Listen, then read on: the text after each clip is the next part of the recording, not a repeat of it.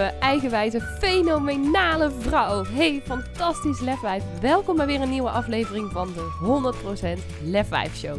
Mijn naam is Lisa van der Veken en in deze podcast deel ik vier keer per week magische meditaties, praktische tips en tools en inspirerende interviews met je om meer van jezelf te houden, meer kracht, vertrouwen en lef te tonen in jouw leven en 100% te gaan staan voor wie jij diep van binnen echt bent. Dus ben jij er klaar voor om je innerlijke lefwijf volop te laten stralen? Dan zeg ik: let's go!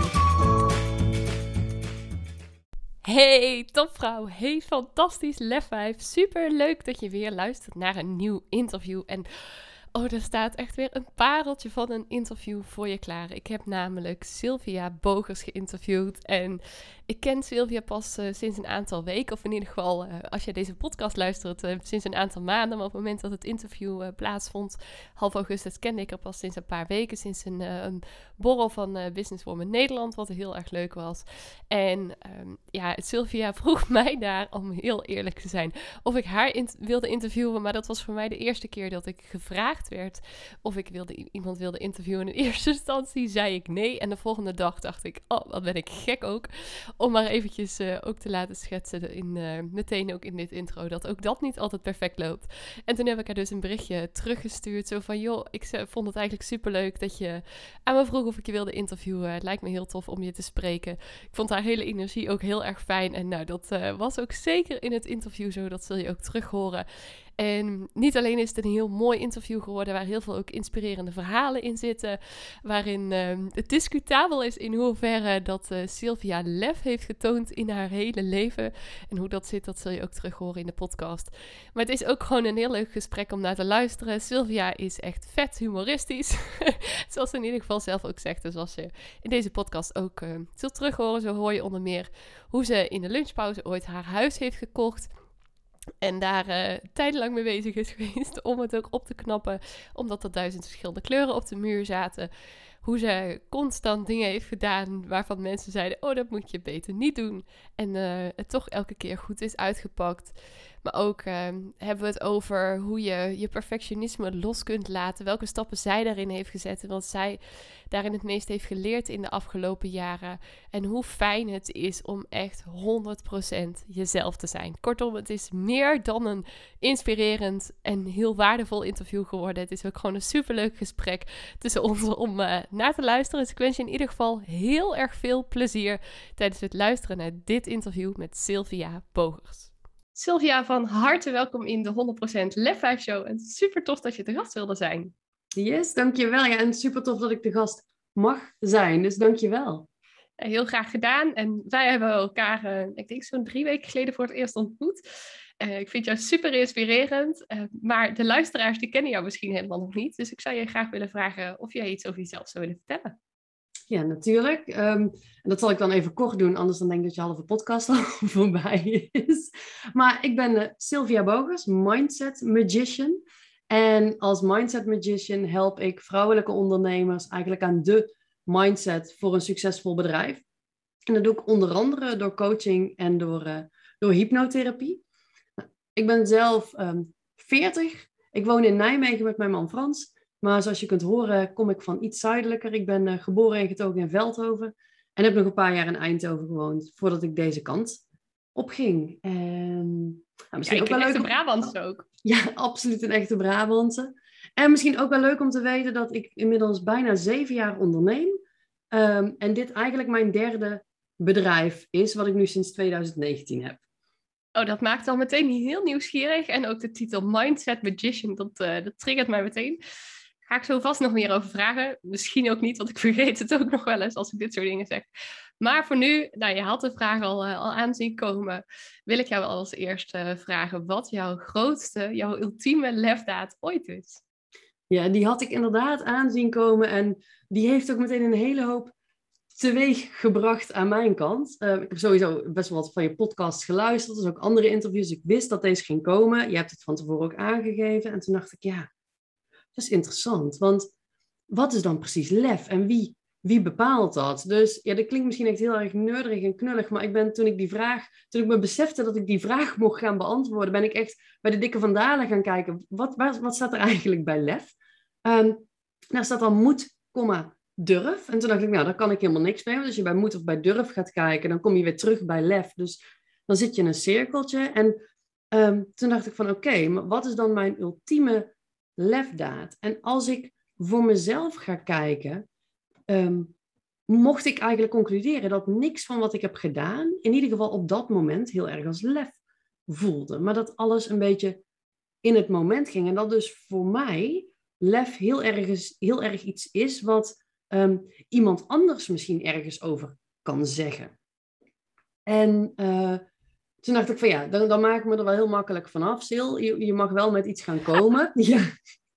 Dus ik heb echt letterlijk een lijstje zitten maken met nou, wat voor dingen heb ik dan gedaan die ik, als ik van buitenaf naar mezelf zou kijken, zou kunnen zeggen van nou, dat is wel lef. En ehm, ik zeg absoluut niet dat dit de grootste is. En dit is één van de. En ik heb er denk ik nog wel één of twee die ik ook wel echt zou willen vermelden. Maar de eerste die in me opkwam is dat ik in mijn lunchpauze ooit een huis heb gekocht. Ja, die mag je meteen even toe gaan lichten, want dat maakt ook nieuwsgierig. In je lunchpauze een huis kopen. Ja, ik, uh, ik woonde toen nog in Veldhoven op een, op een flatje en ik, ik was daar wel klaar. Ik wilde graag iets meer. Ik wilde een huis. En toen had ik ook bedacht, terwijl ik, ik, ik wilde nooit naar Eindhoven toe, maar toen dacht ik, ik was inmiddels single, niet helemaal mijn keuze, ik was 30. En ik dacht, hier in Veldhoven, dat is echt superleuk voor, voor burgertrutten, maar ik wil naar de stad, ik wil naar Eindhoven. Dus ik wilde een huis No offense naar alle luisteraars in Veldhoven. Sorry, dat, dat, inderdaad. Dat, uh, en anders moeten ze me even een berichtje sturen, zal ik persoonlijk mijn excuses maken. maar voor mij voelde het niet meer alsof ik daar mocht blijven. Um, dus ik had bedacht dat ik een huis wilde gaan kopen.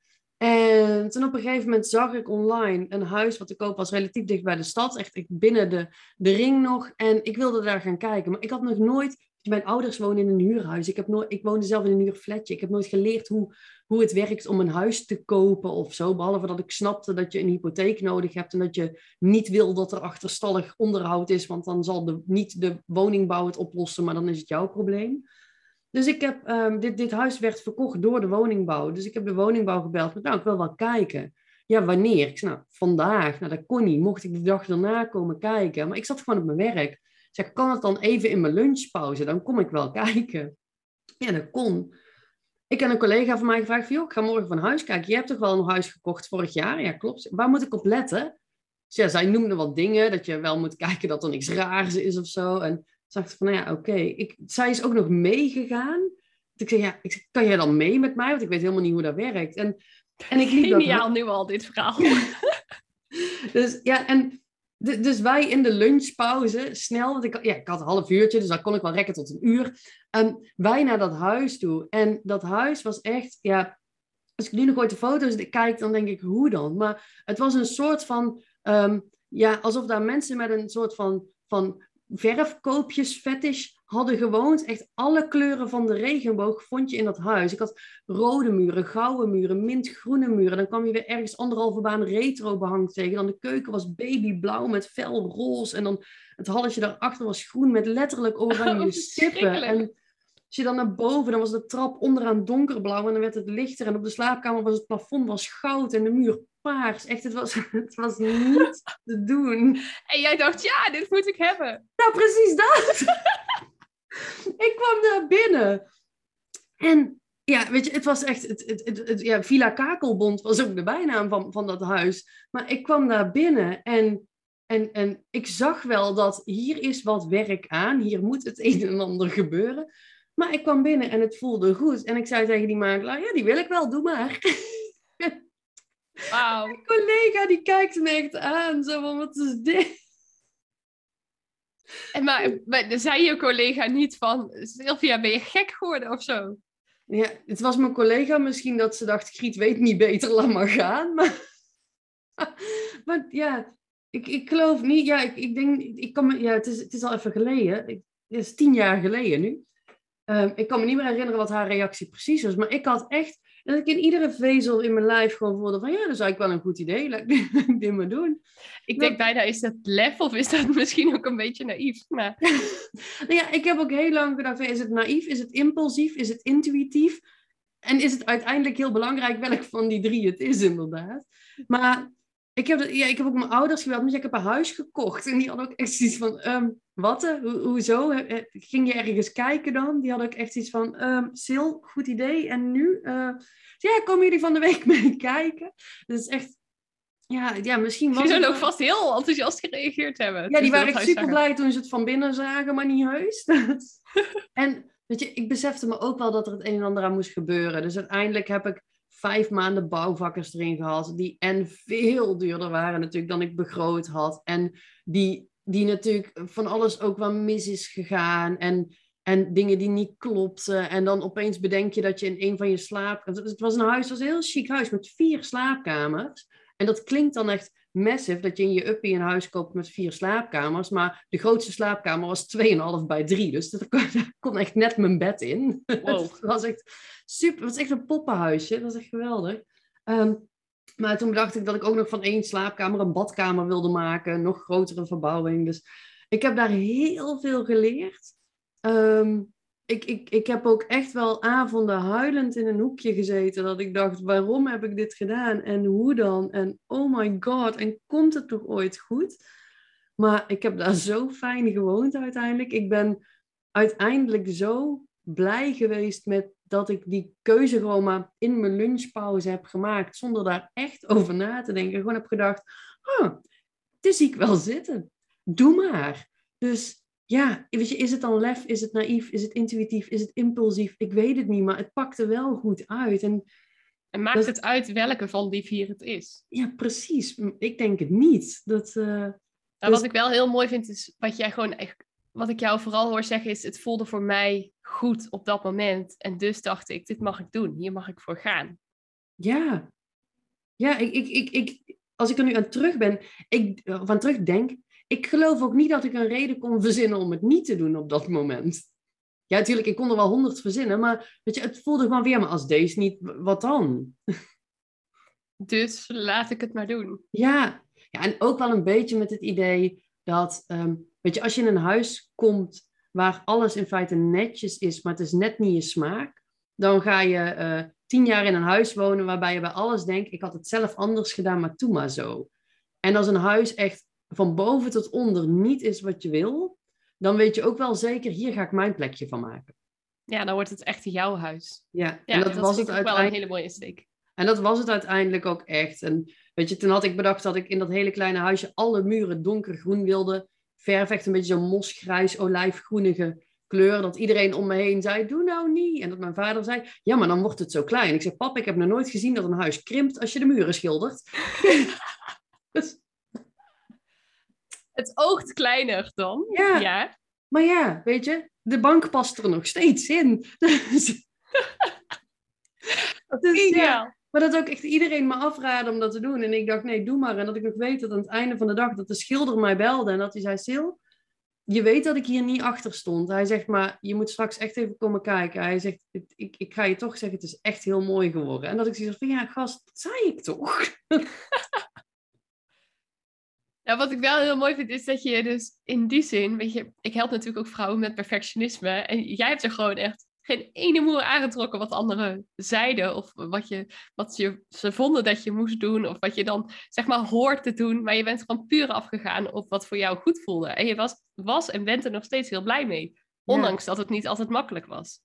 Nee, en laten we wel eerlijk zijn. Ik ben niet met, met dat soort instelling geboren. Um, ik, ik heb me heel lang heel erg aangetrokken wat anderen vonden. Ik heb een pestverleden tot mijn zestiende. Um, ik heb altijd heel erg geprobeerd overal bij te horen, omdat ik altijd voelde dat ik er niet bij hoorde. Dus ik heb me best wel lang aangepast. En um, dat ging dan vaak van aanpassen naar vervolgens weer helemaal klappen, omdat je een soort van snelkookpan wordt als je je aan gaat passen aan hoe je denkt dat iets moet zijn, maar wat dan niet past bij jou. En je kent ook niet precies de spelregels, dus je doet maar iets en je voelt dat het wringt. Maar ja, dus ik heb best wel lang daarmee gestruggeld. En um, het moment dat ik daar echt los van ben gekomen, is later gekomen. Dat is nadat ik dat huis heb gekocht pas gekomen. Um, maar in die fase was ik al wel meer dat ik dacht, ja, weet je, als, ik, ik, ik doe... En dat is eigenlijk wat ik vandaag de dag nog steeds... Ik doe gewoon maar iets. En dat ik soms ook wel heel erg relativeer, net met die groene muren, dat ik dacht van ja, het, het allerergste wat er kan gebeuren, is dat ik de schilder terug moet laten komen. En wat Ja. is daar zo erg aan? Ja, dan ben je wel wat meer geld kwijt. Ja, maar weet je, en, en, maar dat kon ik het wel relatief, en ondanks dat mijn geld echt heel hard ging in die tijd met die verbouwing, maar dat ik wel dacht van ja, maar als dat het ergste is en het voelt nu oké, dan kan ik het maar beter gewoon doen en dan zie ik daarna wel. En dan pakt het dus eigenlijk gewoon wel heel goed uit. Want Ja. ik was er wel heel blij mee. Ik was, ik was, ik, ja, ik, ik vind het nog steeds. Ik ben zo blij dat ik het gedaan heb. Het, het was zo mooi. En ik had wel heel veel wit er tegenover. Hoge witte plinten, brede witte architraven om de deur heen, witte gordijnen, een grote witte kast. En, dus weet je, ik had niet overal ook nog zwart ingezet. Ik had er wel een beetje over nagedacht. Eh, letterlijk ook een beetje, denk ik. Maar het, het was, ja, het was gewoon echt een heel fijn plekje. Ja, en nou, nou hoor ik je ook zeggen, dat is dus niet meer het huis waar je nu in woont. Want je zegt, ik heb er fijn gewoond en het was een fijne plek. Heb je de tweede keer weer op die manier je huis gekocht? Eh, misschien, een, misschien een beetje. Niet meer zo, niet meer zo impulsief. Nee, ik heb eh, op een gegeven moment Frans leren kennen, inmiddels mijn man. En Frans komt dus uit Nijmegen, maar Frans had hier een huurflatje. En ik had mijn koophuis in Eindhoven. Dus, ehm, en op een gegeven moment, het bedrijf waar hij werkte zat met een reorganisatie. Dus hij raakte zijn baan kwijt. En toen was het niet meer dan logisch dat hij naar Eindhoven zou komen met mij daar te wonen. En daar hebben wij drie jaar gewoond. Ehm, en op een gegeven moment zei hij naar mij toegekomen van Sil, ik, eh, ik zoek het hier niet meer. En die had ik al aanzien komen. Ehm, hij kon daar zijn draai niet vinden. Hij had het daar gewoon niet fijn. Hij had het niet naar zijn zin. Hij had echt heimwee naar Nijmegen. Tot op het punt dat hij echt zoiets had van... Ja, ik ga terug naar Nijmegen. Wat doe jij? Dus hij was, hij was bereid om, ehm, om dan wel de relatie te verbreken. Dan wel weer te gaan latten. Maar dat was echt het niveau waarop hij het niet meer oké vond in Eindhoven. Ja, en toen heb ik wel... Toen had ik zoiets van... Oké, ehm, ik heb een koophuis in Eindhoven op een super fijne plek vlakbij de stad. En dan ga ik hier weg uit Eindhoven naar een andere stad. Ik kende Nijmegen al wel. En toen dacht ik wel weer, eh, weet je, ik heb daar toch zeker een dag maximaal over nagedacht. En toen dacht ik, ja, weet je, het ergste wat er kan gebeuren is of dat ik het in Nijmegen niet leuk vind. Nou, dan verhuis ik weer terug. Eh, en misschien houdt de relatie niet stand. Nou, dan verhuis ik terug. Ehm, en misschien houdt de relatie wel stand. En vind ik het prima. En dan zitten we gewoon in Nijmegen. En dat is wat uiteindelijk de situatie is. Ehm, maar in Nijmegen heb ik wel meerdere huizen bezichtigd. En eh, heb ik er ook bij een aantal echt wel gedacht: van ja, op papier was dit een heel goed idee, maar het voelde allemaal niet oké. Totdat we in het huis kwamen wat we nu uiteindelijk gekocht hebben. Maar dit was een huis wat 40 jaar oud was op het moment dat wij daar kwamen kijken. Er had een vrouw in gewoond die er vanaf het begin met haar gezin heeft gewoond. Haar man leefde inmiddels niet meer, haar kinderen waren al lang uit huis. Zij is naar een verzorgingshuis gegaan. Ehm, maar dat, dat huis had zeg maar qua onderhoud en, en de looks was het nog steeds 1978. Dus, Dus- daar was ook heel veel eigen smaak in aan te brengen. Ja, wij hadden zo'n badkamer met van die bruine kleine tegeltjes van 5 bij 5 op de vloer. En van die beige tegeltjes aan de muur. En dan met zo'n zo'n bruine plastic planchetjes en zo'n spiegel met zo'n bruine rand en dat soort dingen. Een, Echt heel ouderwets. ja, een betegeld keukenblad met kleine beige 5 bij 5 tegeltjes. Allemaal, ja, het is prachtig. Het is echt prachtig als je ervan houdt. Ehm, alle, alle deuren donkerbruin, de keuken helemaal donkerbruin verder. Maar dit huis was ruimtelijk. Het is, het is licht. Het heeft een gigantische tuin wat eindigt op water. Ehm, oh, lekker. ja, het is echt ja, een soort veredelde sloot. Maar we hebben dus regelmatig eenden in de tuin. En we hebben meerkoeten in het water. En er zitten vissen. En er komt regelmatig een reiger langs gevlogen. En ja, het is, het is echt heerlijk. Ganzen zijn minder fijn. Die komen meestal rond februari. Dan slaap je gewoon iets korter. Ja. Ja. Maar in dat huis hadden wij allebei zoiets van... Oké, niks hier is hoe wij het graag zouden willen qua inrichting. Maar daar kun je iets aan doen. Maar verder voelde dat huis zo goed... Dat we allebei zoiets hadden van... Ja, fuck it, we doen dit gewoon. ja, en daar ook weer laten leiden door je gevoel. Ja, dit huis voelde Mooi. gewoon fijn. En we hebben inmiddels de bovenverdieping is helemaal verbouwd. Dus die is nu echt wel 21ste eeuw. Ehm, wat is het dan? Ja, 21ste eeuw. Dus we Ja, hebben de badkamer helemaal verbouwd. We hebben een dakkapel laten zetten. De slaapkamermuren zijn allemaal relatief donker tielachtig geverfd. De, de overloop is donkerblauw. Want ik wist inmiddels dat donkere kleuren, daar krimpt je huis niet van. Dus... en ik denk dat dit huis twee keer zo groot is als ons oude huis. Dus Ehm, dus nee, de benedenverdieping is nog steeds 1978. Dus ik heb nog steeds een aanrechtblad met wat betegeld is, maar dat gaat wel ooit komen. Maar ja, dit huis was ook echt, echt gewoon op gevoel gekocht. Dat, eh, ondanks dat we wisten dat hier uiteindelijk heel veel aan moet gebeuren.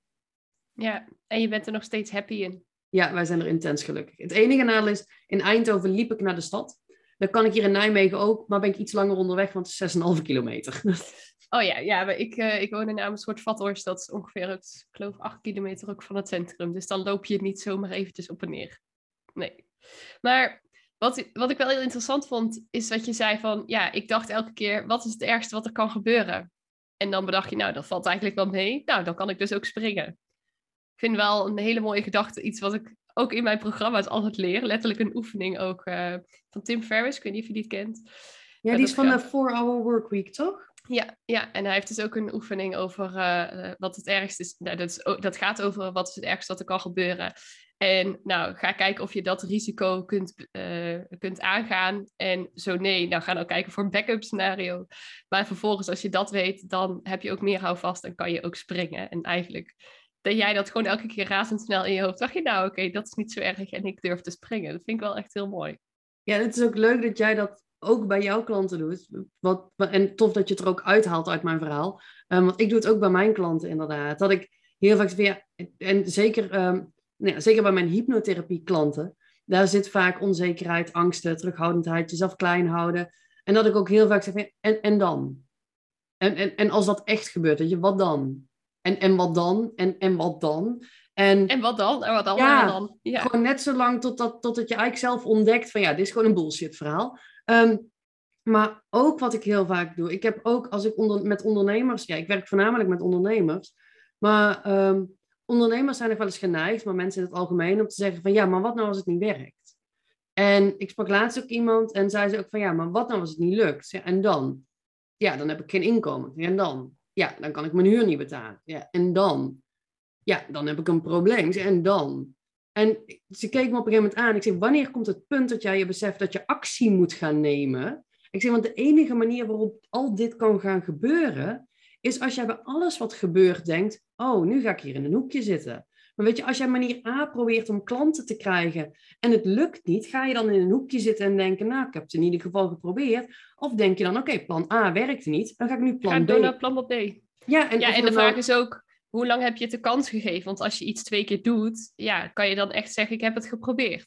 Ja, ja, dat heb ik vaak met social media posts. Ja, ik heb twee keer een post geplaatst en niemand reageerde. Ja, schat, je hebt drie volgers. Misschien moet je even iets meer effort erin steken. Maar inderdaad, weet je, het, de enige manier waarop een doemscenario kan gebeuren, is als je along the way nergens denkt, nu ga ik iets anders doen. Weet je, je kunt alleen maar werkloos, um, klantloos, failliet, huisloos, bla bla bla, in een doos onder een brug komen. En Als je onderweg nergens in Ja, en daarbij wil ik dan, zeg maar, net als dat we er straks niemand in veld over willen beledigen, wil ik niet zeggen dat mensen die daadwerkelijk uh, thuis, dak- of thuisloos zijn, dat die, um, dat die niks hebben gedaan. Laat me daar even duidelijk over zijn. Maar in basis zou er gewoon, als bepaalde dingen niet werken, moet je ergens denken, hé, hey, ik pak hier even een afslag, want deze weg rechtdoor gaat hem niet worden. En dat is denk ik gewoon een heel belangrijk besef, dat er zitten vaak van, van het punt waar je staat tot het punt waar je bang voor bent, daar zitten heel veel stappen tussen.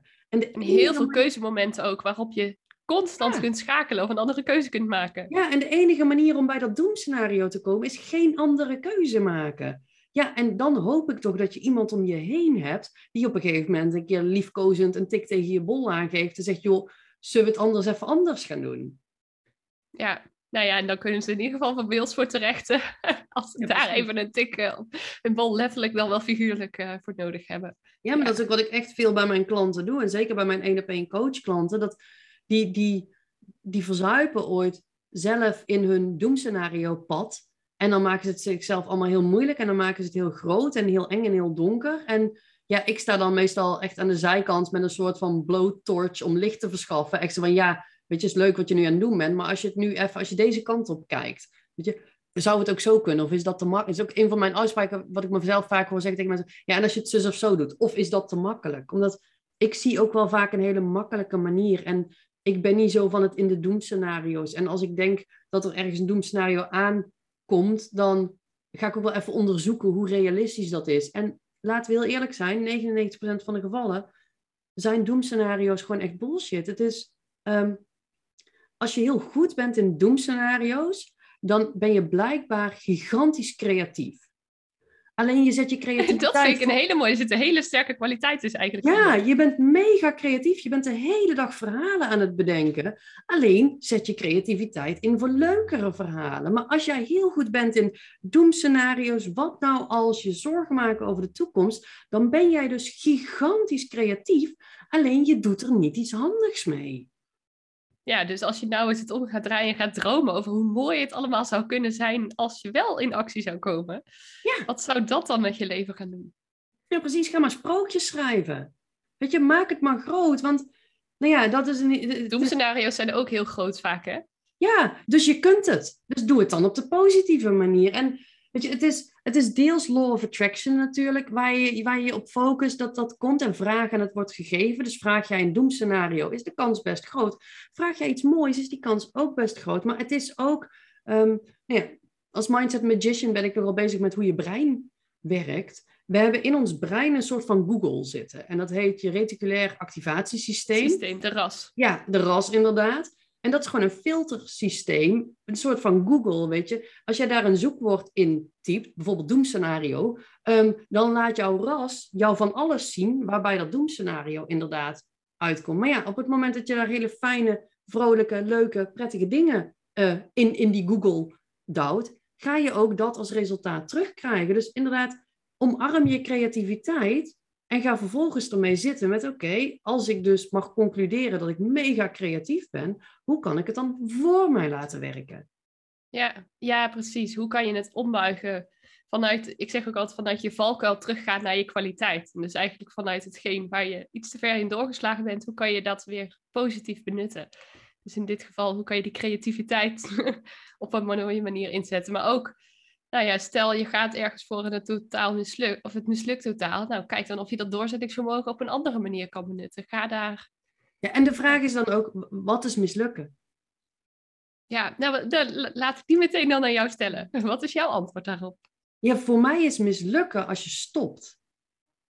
Voor mij is het, ik, ik heb ook, uh, toen ik op mijn opleiding tot hypnotherapeut deed, er hing ergens een bordje, falen is uitgesteld succes. Um, maar dat is denk ik ook met mislukken. Dat is als je weer op die weg zit en dingen lukken niet en je gaat dan maar ergens midden op die weg zitten en je denkt van ja, weet je, klaar. Maar dat is net als ik hier, als ik dadelijk um, vanuit mijn kantoor naar mijn huis wil rijden en ik neem een verkeerde afrit, heb, is het dan mislukt of ben ik gewoon aan het sightseeën? Weet je, kan ik er op een andere manier nog komen. En tuurlijk, als jij um, een muur blauw probeert te verven en uh, je hebt uiteindelijk de koelkast blauw geverfd. Ja, is dan die muur mislukt? Of kan je dat alsnog een keer doen? Weet je, ik, ik, ik kan me bijna geen situatie indenken. Want mis, mislukt staat voor mij aan iets definitiefs. En, Alsof het nooit meer anders kan. Ja, en, en ik kan me bijna geen situatie indenken waarin, waar, waar, waarin dat echt kan zijn. Ja, al haal je die koelkast 20 jaar blauw, je verft hem daarna alsnog weer terug wit en de muur alsnog goed blauw. Ja, is het dan mislukt? Nee, dan heeft het alleen 20 jaar geduurd. Misschien niet handig, maar... Nee, maar ja, weet je, uit een blauwe koelkast kun je ook gewoon eten.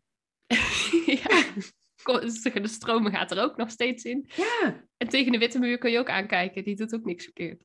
Nee, kijk, en natuurlijk op het moment dat je een snoertje of een, een stukje touw door wilde knippen en je knipt per de snoer van de koelkast door, um, ja, Weet je, sowieso is dan het touw mislukt of heb je die ook geknipt. Maar ook die koelkast is te herstellen. Er is zoveel wat te herstellen is. En we zijn als mensen vaak geneigd om te kijken tot aan het probleem. Of het liefste zelfs nog tot net voor het probleem. Want laten we heel eerlijk zijn, bijna alle doemscenario's die wij zelf bedenken, die komen nooit uit.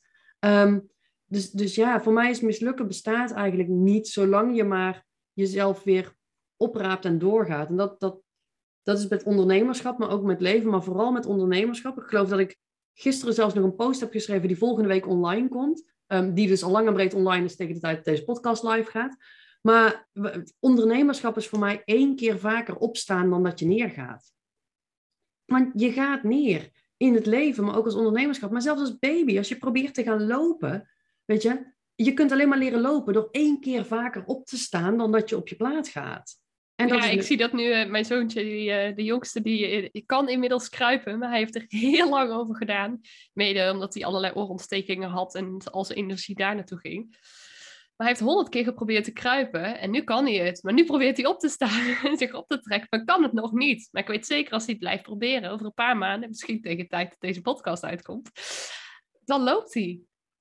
ja, maar dat is het. Je, gewoon ja, zich doorzetten. één keer vaker opstaan dan dat je neergaat. En dat is met bijna alles. Ja, en lukt het niet op manier A, dan lukt het wel op manier B.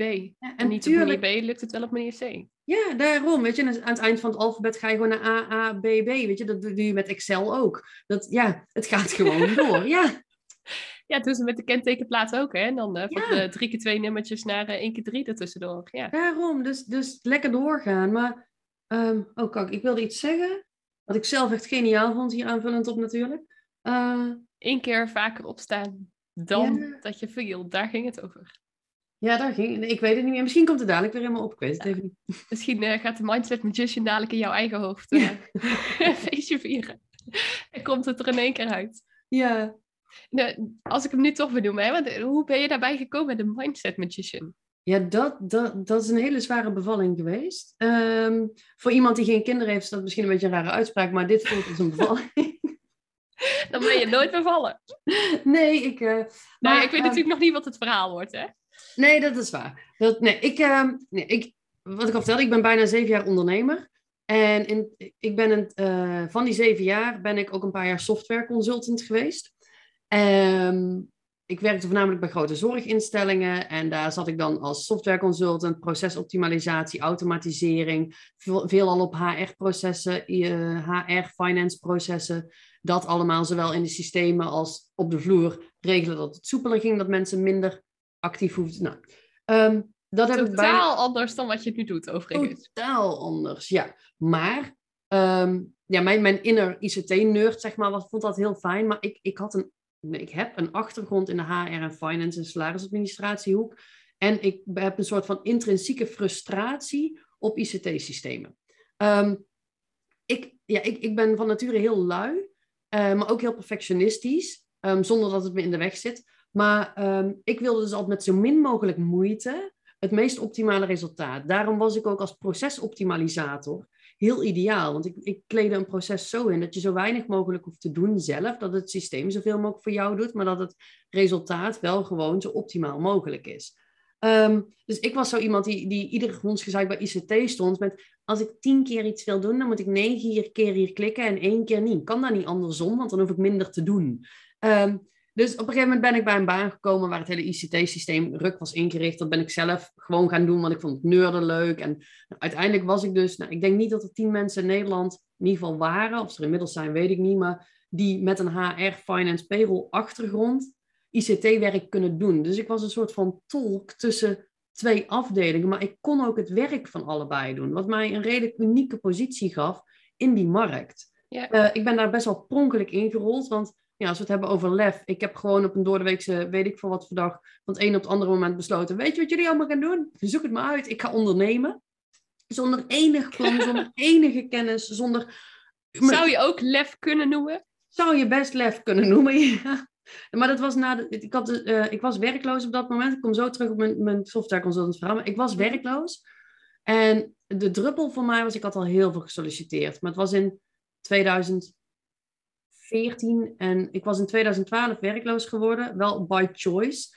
Um, ik heb tussendoor heel kort een baan gehad die ik verschrikkelijk vond, maar ik bleef maar aan het solliciteren. Niemand wilde mij hebben omdat ik een hele brede achtergrond had, maar niet heel gespecialiseerd. En omdat ik nogal zelf wist wat ik wilde en dat paste niet bij de meeste bedrijven. Toen op een gegeven moment was ik bij een bedrijf uh, op derde sollicitatiegesprek. Nou, dan verwacht je voortaan dat de buis wel binnen is. En toen kreeg ik daarna te horen, ja, we hebben toch liever iemand met een technische achtergrond. En toen dacht ik, dat had je verdomme van mijn cv af al kunnen zien dat ik dat niet heb. Hoezo laat je mij drie keer opdraven? Geef je mij drie keer hoop? En dat was voor mij echt een druppel dat ik dacht, ik wilde niet meer. Ik laat me niet meer zo behandelen. Ik, ik doe het gewoon Zoek het maar uit. Ja, echt, zoek het maar uit. Ik ga wel ondernemen. En toen had ik bedacht dat ik een bedrijf begon in zelfgemaakte tassen.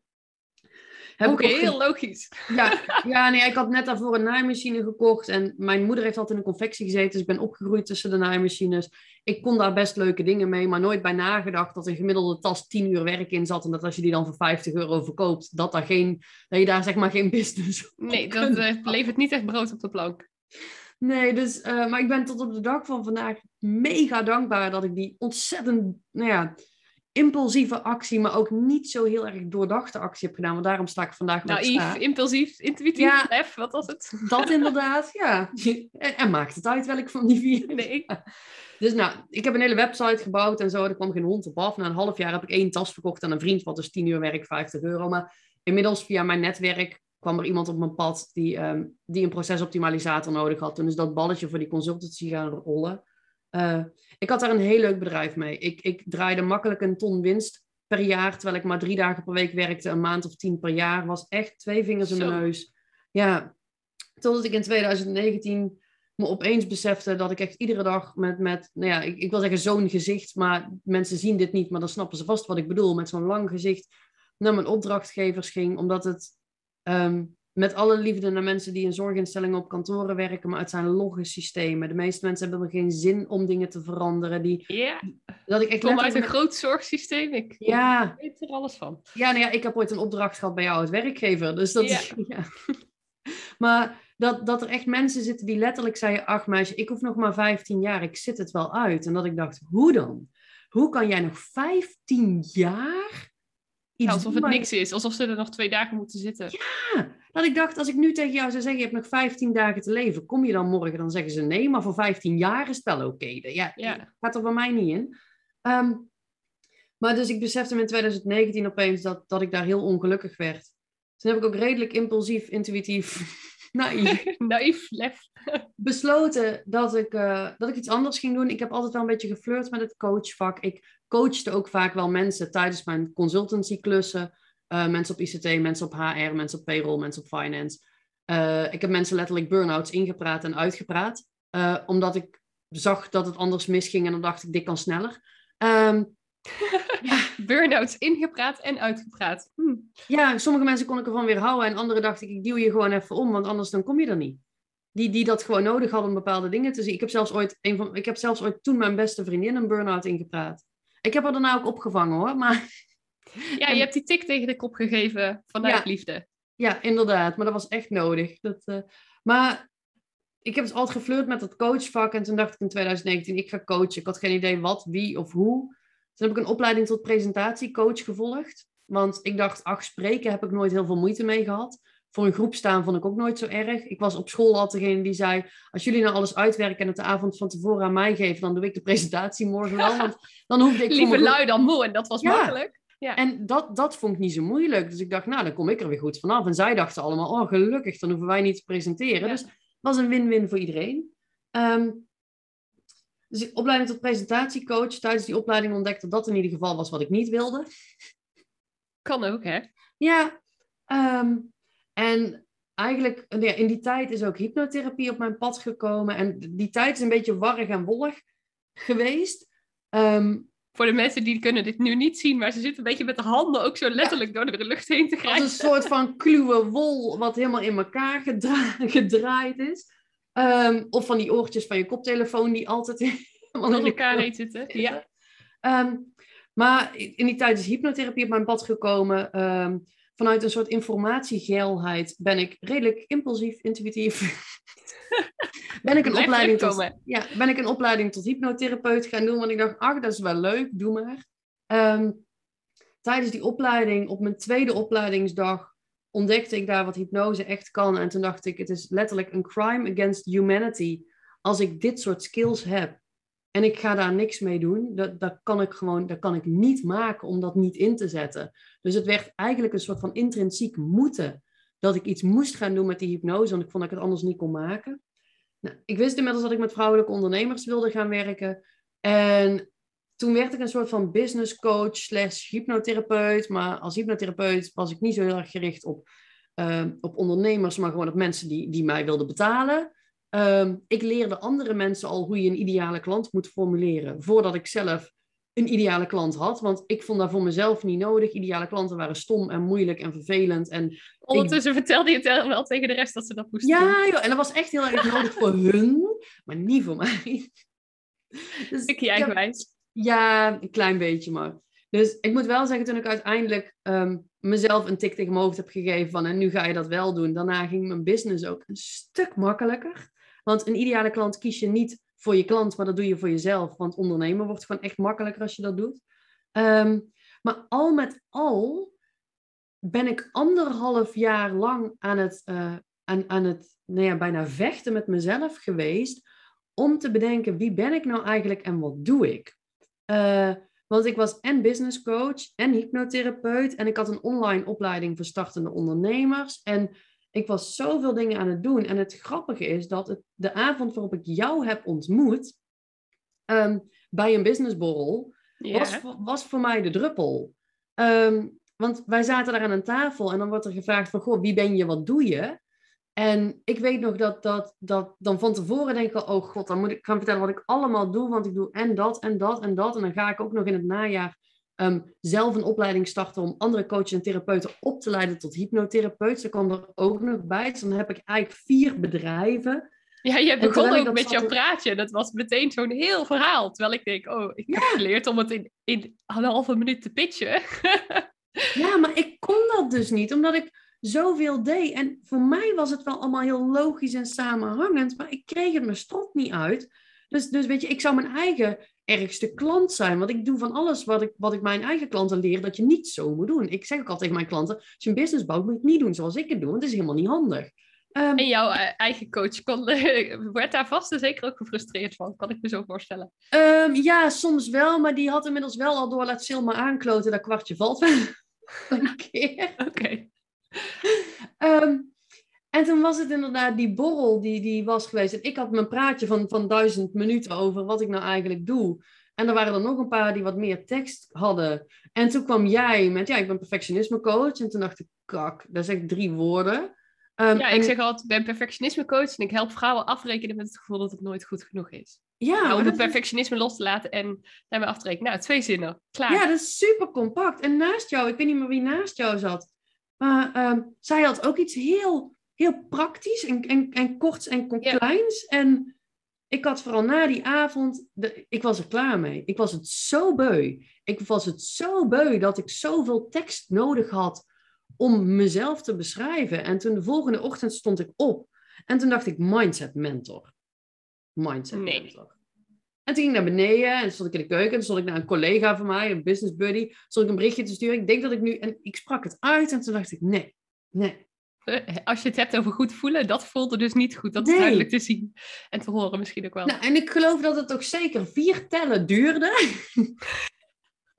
ja. Dat ik dacht, mindset magician. Want mijn klanten, zeker mijn hypnotherapie klanten, ehm, daar gaat het natuurlijk helemaal over mindset. Maar ook mijn business coaching gaat voor zo'n groot stuk over mindset. En ik krijg heel vaak gewoon terug dat wat ik weet te realiseren met mijn klanten, dat het magisch is. Dat hypnose, dat het magisch is. Dat hoe snel ik door bullshit heen weet te prikken en hoe snel ik bij de kern van een probleem weet te komen, dat het magisch is. En ja, het was echt, terwijl ik, terwijl ik zeg maar mijn avocado in de blender stond te doen, um, dat, dat ik echt dacht, mindset magician. En ik hoorde nog net niet zo'n ah, zo met aureooltjes en engeltjes en zo. Maar hij, hij klikte gewoon meteen en hij voelde gewoon goed.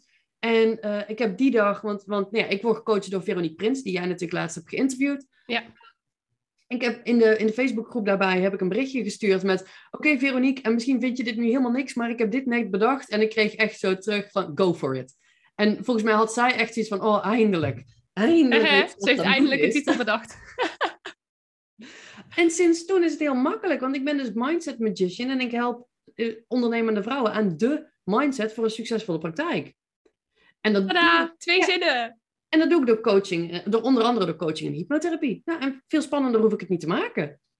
En... Hey, dus de volgende keer als we elkaar zien voor een businessborrel, dan heb jij in twee, drie zinnen jezelf voorgesteld in plaats van, uh, wat was het, 20 minuten? Ja, en kijk, we, we, hoeven allebei niet de illusie te hebben dat ik ooit kort van stof word. Um, dat hoeft ook niet. Je hoeft jezelf niet te veranderen. Nee, maar ik kan nu wel. En weet je, Ehm, het is voor mij fijn dat ik minder tekst nodig heb. Maar ik merkte ook gewoon, omdat het zo'n verhaal was, andere mensen haakten daarop af. Want je kon niet bijblijven. Ik deed te veel. Het klonk te wollig. Het was te veel. En, um, en, en dat is ook, weet je, ik ben hier ook gewoon heel open en eerlijk over. Dat dit dus anderhalf tot twee jaar geduurd heeft. Want het eerste tijd sinds 2019 dat ik met dit bedrijf begon, was het sowieso nog heel erg zoekende. Maar ik heb dus heel lang dit gedaan voordat ik nu pas, na, na bijna twee jaar dit bedrijf en na bijna zeven jaar ondernemerschap, kan zeggen: dit, dit is wat ik, ben, wat ik doe. En, en de titel waar ik mezelf onderschaar, ondanks dat niemand weet wat een mindset magician doet, maar het klinkt wel heel magisch. Ja, ehm, en meteen dat mensen zoiets hebben van, oh, vertel me er meer over. Ja, dat. Dus, en dan kan je los. En, ja, en wat ik hoop dat ik daarmee mee kan geven ook aan de mensen die dit luisteren, is dat, ehm, als we het dan weer hebben over perfectionisme, ik heb anderhalf jaar in dit bedrijf met dat stukje aangekloot. Ehm, weet je, ondertussen liep mijn bedrijf wel, ik had wel klanten en dingen, maar dit specifieke stuk heeft me zo lang dwars gezeten totdat het punt kwam dat, dat het echt te veel werd, een paar weken geleden. Maar ehm, dat is dus oké. Het is dus oké om het nog niet te weten. Het is dus oké om het lang wat wollig te houden. Het is oké om daarin te ontdekken en te groeien. En ja, weet je, dat ehm, je kunt in ieder willekeurig moment kun je een volgende stap zetten. En je kunt niet als je geboren wordt al rennen. Dat gaat ook met, met, met op je billen schuiven en dan kruipen en opstaan en hobbelen. En, weet je? Dus waarom zouden we dat dan als we volwassen zijn? Dan verwachten we opeens van onszelf dat we een soort van overnight of in een split second iets moeten kunnen. Dat is ook met ondernemerschap. Dat, dat, dat is gewoon een vak, dat mag je leren. En dat is met zoveel andere dingen.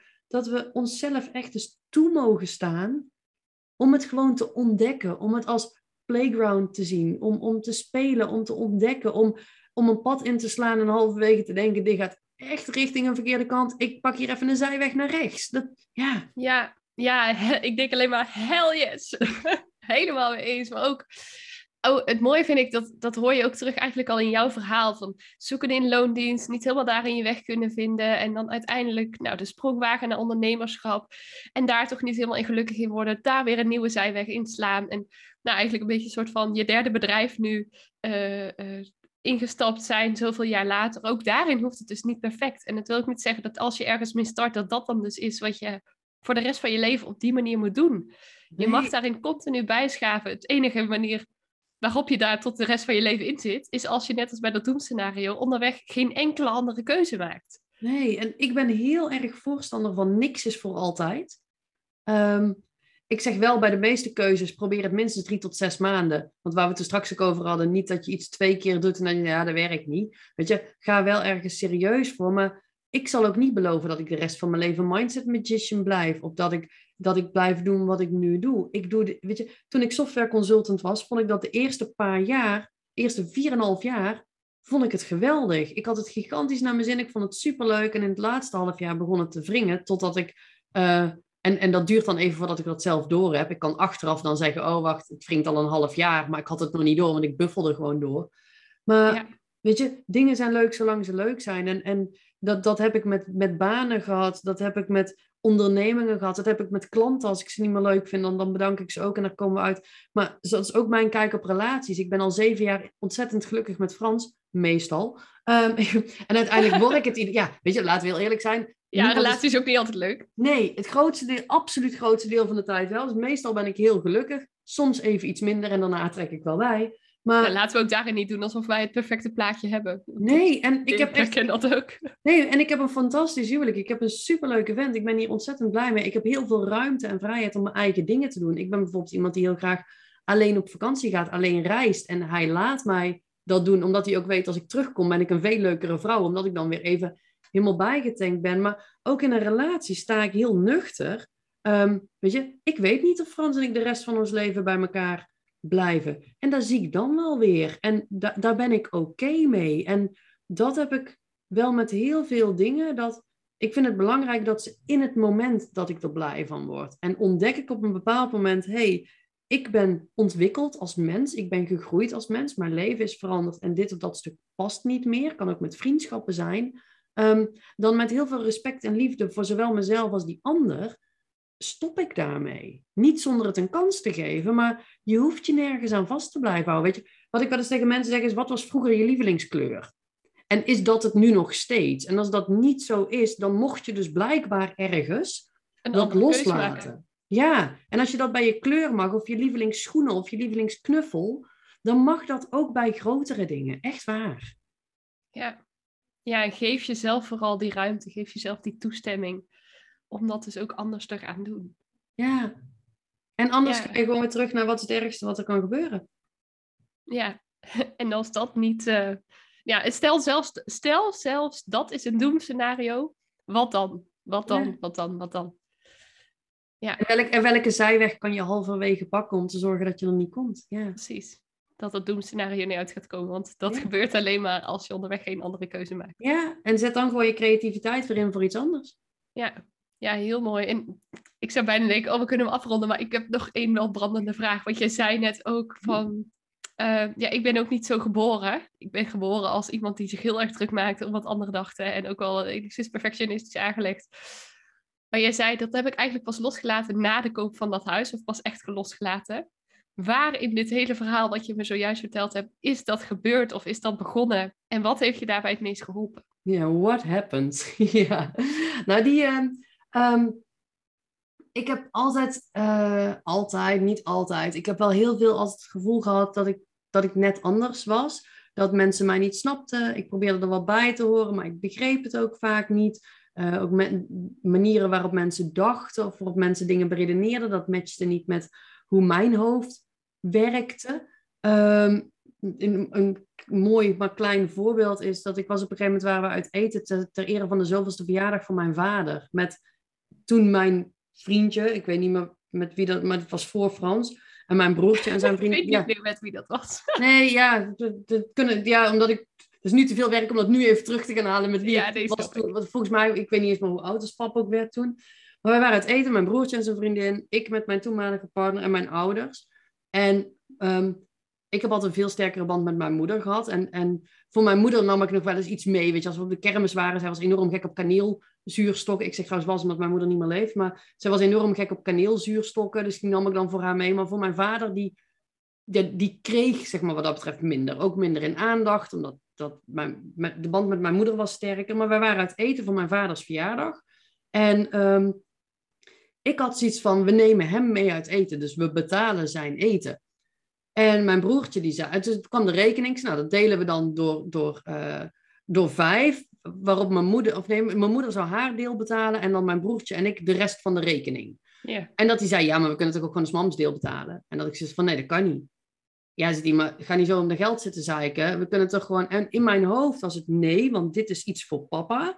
En als we nu mama's eten betalen, dan is het niet echt iets voor hem. En hij krijgt al minder. En dus dat was in mijn... En dat botste zo op dat moment. En daar hebben we echt hele bonje over gehad. Want ik moest niet zo zeiken over dat geld. En mij ging het helemaal niet om dat geld. Maar dat, dat, in mijn hoofd klikte dat anders. En zo heb ik ook ooit met een ex-vriendje, weet ik nog heel goed welke dat was, maar de grootste bonje gemaakt, want hij stond pannenkoeken te bakken, maar in plaats van pannenkoek om te draaien met zo'n pannenkoekenspatel, deed hij dat met zo'n bakspatel voor je hamburgers, zeg maar.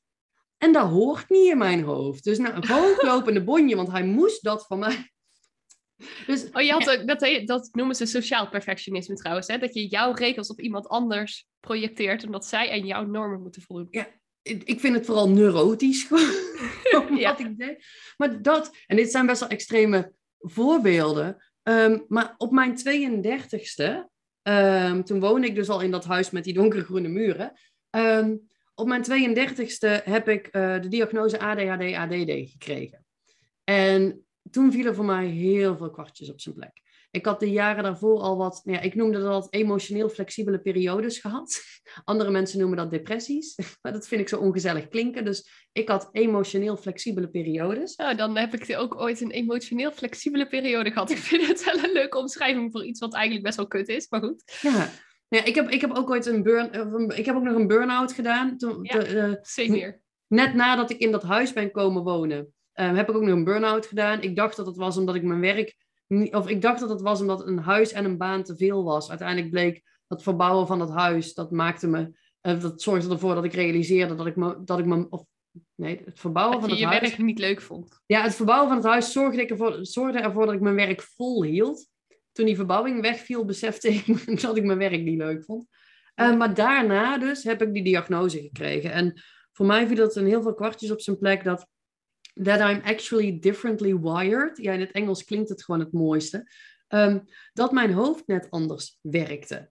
En dat ik dus op een andere manier naar dingen keek. En dat waar ik altijd geprobeerd heb erbij te horen en dat dat niet lukte, ehm, dat, dat dat niet zeg maar was, ja, dat het een soort van toch niet mijn schuld was, maar dat het ook te verklaren was waarom ik soms niet matchte of andere mensen niet snapten of dingen niet zo leuk vond. Inmiddels ehm, heb ik voor mezelf een tijdje geleden toe mogen geven dat ik ook uh, echt enorm hoogsensitief ben. Dat is echt nog redelijk recent dat ik daar een soort van mee, nou ja, voor mezelf uit de kast. Nu oh, die had ik al wel uh, kunnen bedenken uh, als ik jou zo spreek. Ja, maar en er zijn mensen die tegen mij gezegd hebben, maar dat kwam er bij mij nog niet in. Dat was een tijdje iets met een chocobliss ceremonie, waarin ik opeens dat besef had dat er ook een heel stuk HSP in zit. Um, maar dat wist ik toen dus nog niet. Maar ik heb na die diagnose, want zo'n diagnose die, die doet in feite niks. Maar ik heb een coachtraject gehad van een jaar lang, waarin ik echt begeleid werd door de meest geweldige vrouw ever. Die echt, ik kus de grond waarop zij loopt. Zo blij ben ik met, met wat zij voor mij heeft kunnen betekenen. Want waar alle psychische hulpverleners uh, mij vaak in sessie 2 kwijt waren, omdat ze mijn manier van denken niet konden volgen. Um, en niet konden beseffen dat als je bij mij een kwartje erin gooit ook qua inzicht, is mijn leven vaak direct aangepast op dat nieuwe inzicht. Ik heb daar niet heel veel tijd of werk voor nodig. Ik kan heel snel schakelen. Um, en daar kon een gemiddelde hulpverlener niet bij. En zij kon, kon wel met mij werken. Zij kon met mijn hoofd en zij heeft mij een soort van laten daten met mezelf.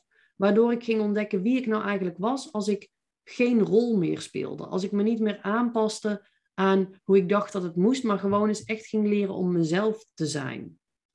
En te daten met jezelf, dat vind ik wel een leuke term. Ja, en uh, ik heb echt toen ontdekt dat, en, en dat is echt, weet je, ik doe heel veel dingen, implementeer ik overnight. Echt mezelf zijn, dat gaat niet overnight. Daar, daar, dat gaat me tegenwoordig, denk ik dat ik dat uh, eh, 23 uur per dag en, en, en ongeveer 57 minuten ben. Dat ik nog drie minuten per dag misschien niet mezelf ben. Maar ja, wie ben je dan als je niet jezelf bent, vraag ik me ook altijd af.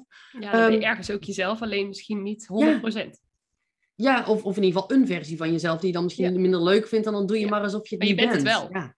Weet je, je kunt ook gewoon zeggen, dit is interessant, daar ben ik ook. Maar wat vind ik daar eigenlijk van? Um, maar ik ben dus echt, echt gaan, gaan ontdekken wie ik ben. En um, en hoe ik functioneer als ik, als ik niks meer voor iemand anders doe, maar puur voor mezelf. En dat is niet voor iedereen even leuk geweest.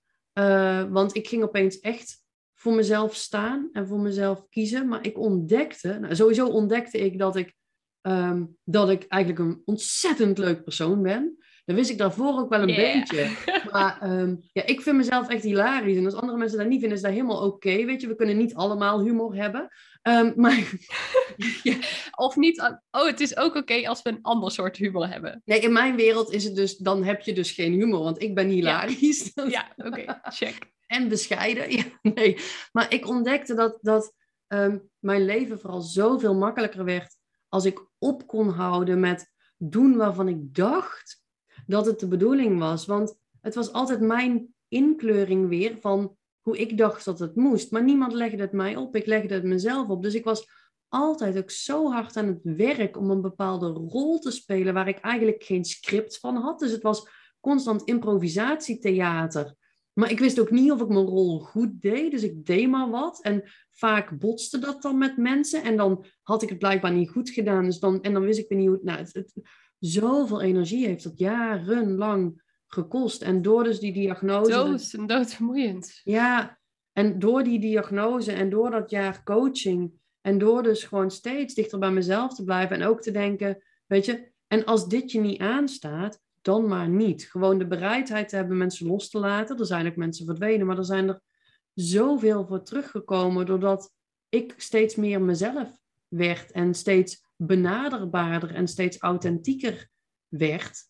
Ehm, en daardoor kon ik op een gegeven moment, denk ik ook, dat, nou ja, dat neurotische gedrag los gaan laten. Want ik denk dat vooral mijn perfectionisme en het neurotische wat eraan zat, um, ik snapte de wereld niet. En ik was 24/7 bezig met proberen grip te krijgen op alles wat er om me heen gebeurde.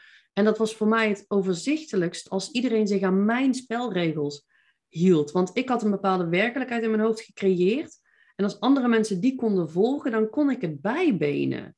En dat hele stuk heb ik geleerd los te laten, waardoor nu Weet je, als ik nu pannenkoeken bak, gebruik ik echt geen pannenkoekenmes, want het is veel makkelijker met zo'n kleine spatel. Dat, dat, weet je, dat, dat soort dingen. Ehm, maar het was echt mijn manier om grip te krijgen op een wereld die ik niet snapte. En ik denk dat ik nu meer zit in een. Ehm, in dat ik geen grip meer probeer te krijgen. Dat ik gewoon in alles geloof dat ik de wereld toch niet snap en dat dat ook oké is. En dat ik leven ook veel meer als echt één grote speeltuin ben gaan zien. Waarin uh, het voor mij in ieder geval het allermakkelijkste is als ik gewoon maar wat doe. Ja, en wat ik je eigenlijk dus hoor zeggen is, in plaats van grip te hebben om alles om, rondom jou heen en daar controle op uit te oefenen, het echt letterlijk volledig los gaan laten en te zien als een spelletje en van, oké, ik kan toch nooit overal 100% grip op hebben, laat ik het dan maar gewoon het beste van maken en gewoon maar doen waar ik zelf in ieder geval blij van word, want dan heb ik er het meeste aan. Ja, dus het enige waar ik grip op heb is mezelf. En dan ook nog niet volledig, want ik doe dan ooit dingen dat ik denk, maar je, huizen kopen en je lunchpauze en zo. Maar, nee, maar ik denk dat het een hele mooie omschrijving is inderdaad van, van, van hoe dat voor mij is. Dat ik, ik ben gewoon maar los gaan laten en het scheelt zoveel energie en er is ook zoveel, weet je, als je dat krampachtig als dat eraf kan, is er ook veel meer ruimte voor de mooie dingen en voor de spontane dingen. En tuurlijk word ik nog steeds soms gefrustreerd als ik dan de schaar kwijt ben, omdat Frans die weer in de verkeerde la heeft gelegd. En ik het wel fijn vind als dingen een vaste plek hebben, omdat ik graag met mijn ogen dicht iets wil kunnen pakken. Ehm, maar daar kon ik jaren, tien jaar geleden, kon daar echt zeg maar, de derde wereldoorlog om ontstaan. Als de schaar weer in die andere la. En nu zeg ik af en toe Frans, het is niet heel moeilijk hè, dat die links wordt. Maar ik weet tegenwoordig waar die wel ligt. En heel veel dingen zijn het me ook gewoon niet meer waard om me druk om te maken. Het is de moeite niet. Nee, het, wat ik je ook hoor zeggen, het geeft, je, het geeft je heel veel energie dat je dat nu los hebt kunnen laten. En veel meer ruimte voor leuke, spontane dingen. Wat je uiteindelijk in de end veel gelukkiger maakt ook. Ja, ik denk wel dat ik nu een, een, voor mezelf sowieso een veel gelukkiger en fijner persoon, maar ook echt voor mezelf een fijner persoon. Want ja, voor die diagnose, ik, ik kon me overal over opvinden. Ik kon overal over over de zaak gaan. Ik was zo snel geïrriteerd, omdat, omdat ik het allemaal niet kon, kon vastpakken, niet kon behappen. En ja, nu, nu laat ik gewoon maar alles los. En ja, het, het, ik, ik, ik ben denk ik ook voor mensen om mij heen een veel, veel leuker persoon geworden, veel makkelijker. Ik heb nog vriendinnen uit die tijd die soms heel, um, ja, die vriendin bijvoorbeeld waar ik het over had met die burn-out, zij kent mij nog van voor mijn diagnose. En zij heeft echt wel situaties gehad waarin ze enorm op de tenen heeft gelopen, omdat ze niet wist hoe ik zou reageren. Omdat ze wist dat als ze um, nou ja, iets, iets in mijn ogen een kleine fout zou maken, wat natuurlijk helemaal niet fout was, maar dat, dat ik dan zo fel kon reageren. En um, we hebben tussendoor een aantal jaar geen contact gehad, maar zij heeft echt moeten wennen aan de sil, zeg maar, na de diagnose die opeens heel chill is en zich nergens meer druk om maakt. En helemaal, ja, eigenlijk gewoon niemand moeilijk doet. Alles eigenlijk wel prima vindt. En overal om kan lachen. En ja, dat, dat, dat, dat is heel wonderlijk om dan te zien dat als iemand een tijd uit je leven is en dus die diagnose niet meer heeft gekregen en terugkomt in je leven, dat zij in eerste instantie nog reageren op hoe je was en dat je je dan pas beseft, oh my, hoe heb was jij ik dit, dan niet? Hoe heb jij dit volgehouden met mij? Ja, ja, en dat je nu hoeven mensen het niet meer vol te houden met jou. Dus het brengt niet alleen jou heel veel, maar ook de mensen om je heen. Ja, ik heb echt respect voor, voor ex-vriendjes dat die zo lang bij mij zijn gebleven. Dat is echt hard werken geweest. Dat, dat, en dat besefte ik me daarna pas gewoon. Dat, weet je, en het was niet altijd ellende natuurlijk. Ik, ik, het was ook heel vaak wel gewoon heel leuk, want anders wilde niemand met mij omgaan. Ehm, maar het was wel vaak zwaar. Het was voor mijn omgeving, denk ik, echt heel erg zwaar. En voor mijzelf. Ik ben niet voor niks al die emotioneel flexibele periodes doorgegaan. Dat is omdat ik geen grip kon krijgen. Ja, ja herkenbaar ook wat je daarin zegt. Ja, en nou, nou zeg je ook voor de diagnose, maar alleen die diagnose krijgen was natuurlijk niet hetgeen wat het meest veranderde. Maar ik hoorde je ook zeggen, een jaar lang met die coaching, daten met jezelf. En als je daar nou, je kunt natuurlijk niet een jaar lang coaching in twee minuten proppen, maar als je daar nou iets uit zou mogen halen, dat je zegt van, oh, dat heeft mij in dat daten met mezelf vooral heel veel gebracht. Wat zou je daarin dan de luisteraars mee willen geven?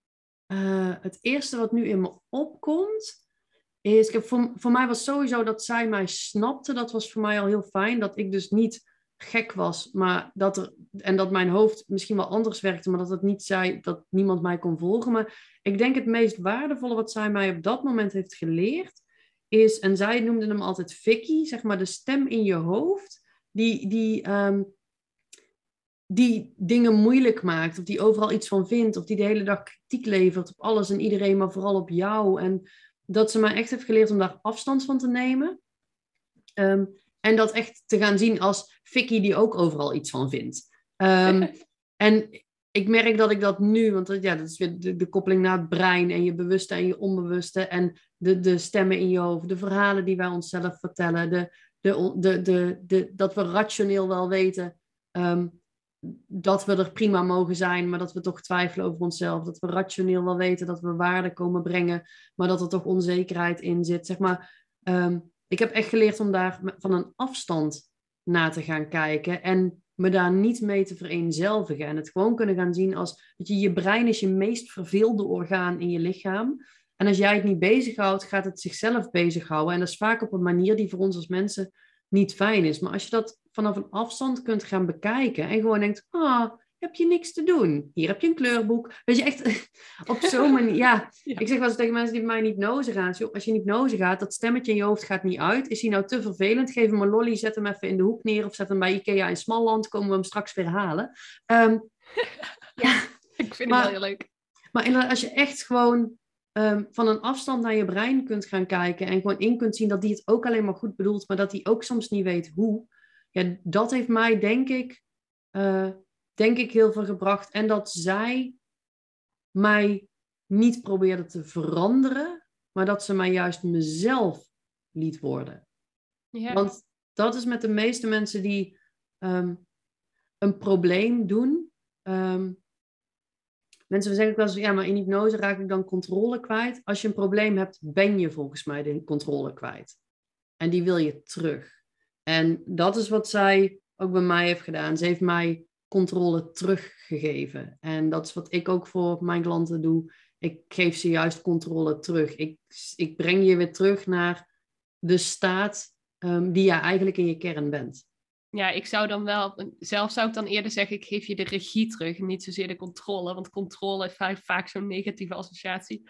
En regie, dan heb ik het over verantwoordelijkheid en dat soort dingen. Maar ik vind het wel interessant dat is inderdaad ook weer, nou ja, sowieso, dat, dat, dat is weer net de interpretatie van een woord. En ik kan me bij, bij jouw vak dat nog iets beter inbeelden en dat indenken. En bij mij is het vaak op de vraag, ben ik de controle kwijt? Dat ik hem weer leg met je krijgt hem juist. Dus, Maar ook wat jij zegt, ben, ga ik volledig in mee. En zeker met, met, met natuurlijk de mensen die jij helpt, denk ik dat regie vaak een handiger woord kan zijn. Ja, ja, omdat controle heeft vaak zo'n negatieve lading. Want ze moeten al overal controle hebben. En hoezo moet ik nog meer controle krijgen? Ja. ja. Maar ik vind het wel heel mooi wat je zegt. En eigenlijk, ik denk dan meteen, oh, mijn brein is dus eigenlijk gewoon net een kleuter, dat stemmetje. Want ik kan hem een lolly geven en is maar land en is hij even tevreden, zeg maar. Ja. ja, zeker je onbewuste brein kun je vergelijken met een hyperintelligent negenjarig kind. Het is mega intelligent, mega creatief, maar het kan geen zinsgevolg op de lange termijn overzien. Ehm, en je bewuste brein is een soort van je, je eigen PA of butler, die de hele dag voor jou wil zorgen, maar ook niet altijd weet hoe. Dus die doet ook maar wat. Ja, ja. en we mogen dat ook zien als dat dat niet altijd de leidende factoren hoeven zijn. Of nou ja, sterker nog, dat je dat als, alsjeblieft niet de leidende factoren laat zijn in jouw leven, maar dat je zelf nog altijd die keuze hebt. Ja. Ja. En als mensen, want nou ja, mijn vraag is beantwoord. En ik denk van, oh, als mensen nou meer willen weten over hoe jij ze hierbij kan helpen. Of uh, meer willen weten over hoe je brein dan werkt. Of wat hypnose dan is. En hoe ze daarin de controle weer terug kunnen krijgen. Om dat woord toch nog maar even te gebruiken. Waar kunnen ze dan meer over jou uh, vinden? En ook nog meer hilariteit ontdekken, want je bent hilarisch. nou, gelukkig zijn we het daarover eens.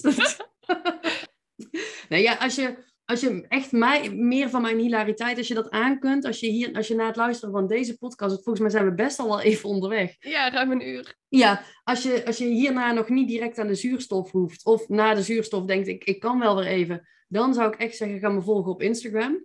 Ehm, want daar ben ik nou ja, eigenlijk wel, wel minstens vijf, maar meestal zeven dagen per week in mijn stories. Soms iets actiever, soms iets minder actief. Dat ligt er vaak aan hoeveel werk ik op een dag nog uh, te verzetten heb. Maar ik probeer er wel regelmatig te zijn. En dat gaat echt van van hele serieuze business tips tot echt ehm, hele slechte grappen en alles wat daartussen zit. Dus daar kun je me vinden uh, op Sylvia Bogers. En, ehm, en als je meer wil weten over hypnose, over wat ik precies doe, hoe ik met ondernemers werk, dan zou ik zeggen, kijk even op mijn website, gewoon sylviabogers.nl. Um, dus dat zijn denk ik wel de kanalen waarop ik het makkelijkst te vinden ben. Ik ben altijd super gek op DM's. Dus voel je ook vooral niet bezwaard om mij privé een berichtje te sturen. Uh, ik vind dat ontzettend leuk. Ik reageer daar ook altijd zelf op. Ik heb niemand die mijn social media doet of zo. Dus uh, um, hou je vooral niet tegen. Heb je vragen over wat ik hier dan ook heb gezegd? Je mag mij letterlijk alles vragen. Echt letterlijk alles. En op het meeste geef ik ook nog antwoord. Kijk, nou, super tof. En uh, nou ja, ik, ik vind het een Lino vooral alleen al hilarisch om eens te volgen.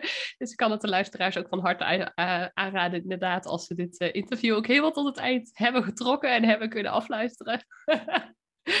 Dan, uh, zo, ik stik er zelfs van. Dan is het zeker heel leuk. ik wil je in ieder geval echt ontzettend bedanken ook voor dit interview. Ik vond het heel leuk om je gesproken te hebben. En um, ik ben benieuwd, is er nog een laatste iets wat je mee zou willen geven aan de luisteraars? Of denk je van, nou, we hebben zoveel gekletst, we kunnen nu wel aftikken. Ja, ik, het eerste wat ik dan denk is, oh god, dadelijk verzin ik weer iets wat ook weer tien minuten duurt. Oké, nou dan is dat misschien maar, niet heel nee, heb, heb, ik, heb ik nog een one-liner? Heb ik nog iets? Um, uh, nee, ik, ik denk dat ik alles wat ik waardevol vind om te zeggen, dat ik dat wel gewoon gezegd heb. Dat, uh, en, en dan rest mij inderdaad niks anders dan jou te bedanken. Ik, vond, ja, ik vind dit soort dingen mega leuk, want ik, ik vertel heel graag over. Ik, weet je, mensen hebben het het liefste over zichzelf. Ik doe dat ook.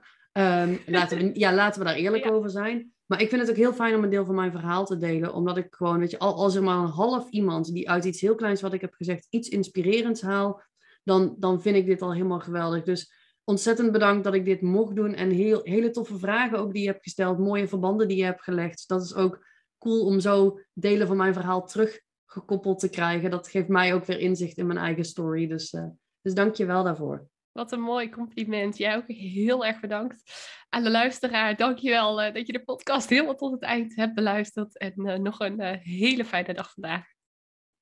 Ja, dat was het interview met Sylvia Bogers. En het was een wat langere aflevering dan je misschien van deze podcast ook gewend bent, maar daarom niet minder waardevol. En ik ben ook benieuwd of we inderdaad een half iemand, of misschien zelfs veel meer, wat we super tof zouden vinden, hebben mogen inspireren met deze podcast en met dit interview. En Sylvia en ik zouden het allebei super leuk vinden als je ons dit ook zou willen laten weten. Maak even een screenshot van de aflevering op het moment dat je hem aan het luisteren bent, of net daarna. Tag ons eventjes in je stories of in je feed op Instagram, Sylvia Bogers en Lisa van der. We zouden het super leuk vinden om van je te horen wat je hieruit hebt gehaald voor jezelf. En ook gewoon te zien wie dat er naar deze deze podcast heeft geluisterd. En als je het fijner vindt of als je het leuker vindt, zouden we het ook heel tof vinden om een DM van je te ontvangen. We vinden het sowieso heel erg leuk om uh, met jou als luisteraar ook te connecten. En uh, ja, willen je ook heel erg bedanken voor het luisteren naar deze aflevering. Voor nu wil ik je nog eventjes herinneren aan de podcast special die jij kunt downloaden op het moment dat jij denkt van nou ik wil hier graag meer over weten. Vertel mij ook hoe ik mijn perfectionisme los kan laten en echt 100% mezelf kan gaan zijn. De podcast special heet van perfectionisme naar zelfliefde en daarin geef ik je ook een aantal hele waardevolle tips om veel dichter bij jezelf te kunnen komen. Ga daarvoor even naar de resetter.nl, klik op het kopje cadeautjes en daar vind je de gratis podcast special.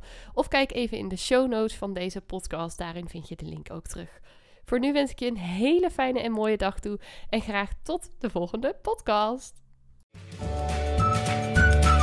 Ja, dat was hem dan alweer. En ik ben echt razend benieuwd wat je uit deze aflevering hebt gehaald voor jezelf. En ik zou het dan ook super tof vinden als je even twee minuutjes van je tijd op zou willen offeren om een review achter te laten. Ga even naar iTunes, scroll helemaal beneden en laat daar je review achter. Dat zou ik echt enorm, enorm waarderen.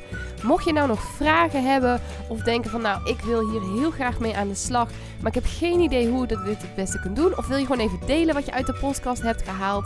Stuur me even een berichtje of deel hem in je stories en tag me op Instagram. Je kunt me vinden via Lisa van der Veken. En ja, ik wil je natuurlijk ook echt van harte, van harte, van harte, van harte aanmoedigen om ook echt in actie te komen naar aanleiding van deze podcast. Want ja, luisteren is natuurlijk super inspirerend, maar je leven zal ook pas echt gaan veranderen op het moment dat jij stappen gaat zetten en in actie gaat komen. Dus hup, geef jezelf die schop onder de kont, doe wat jij nu nodig hebt en dan wens ik je een hele fijne dag en tot de volgende podcast.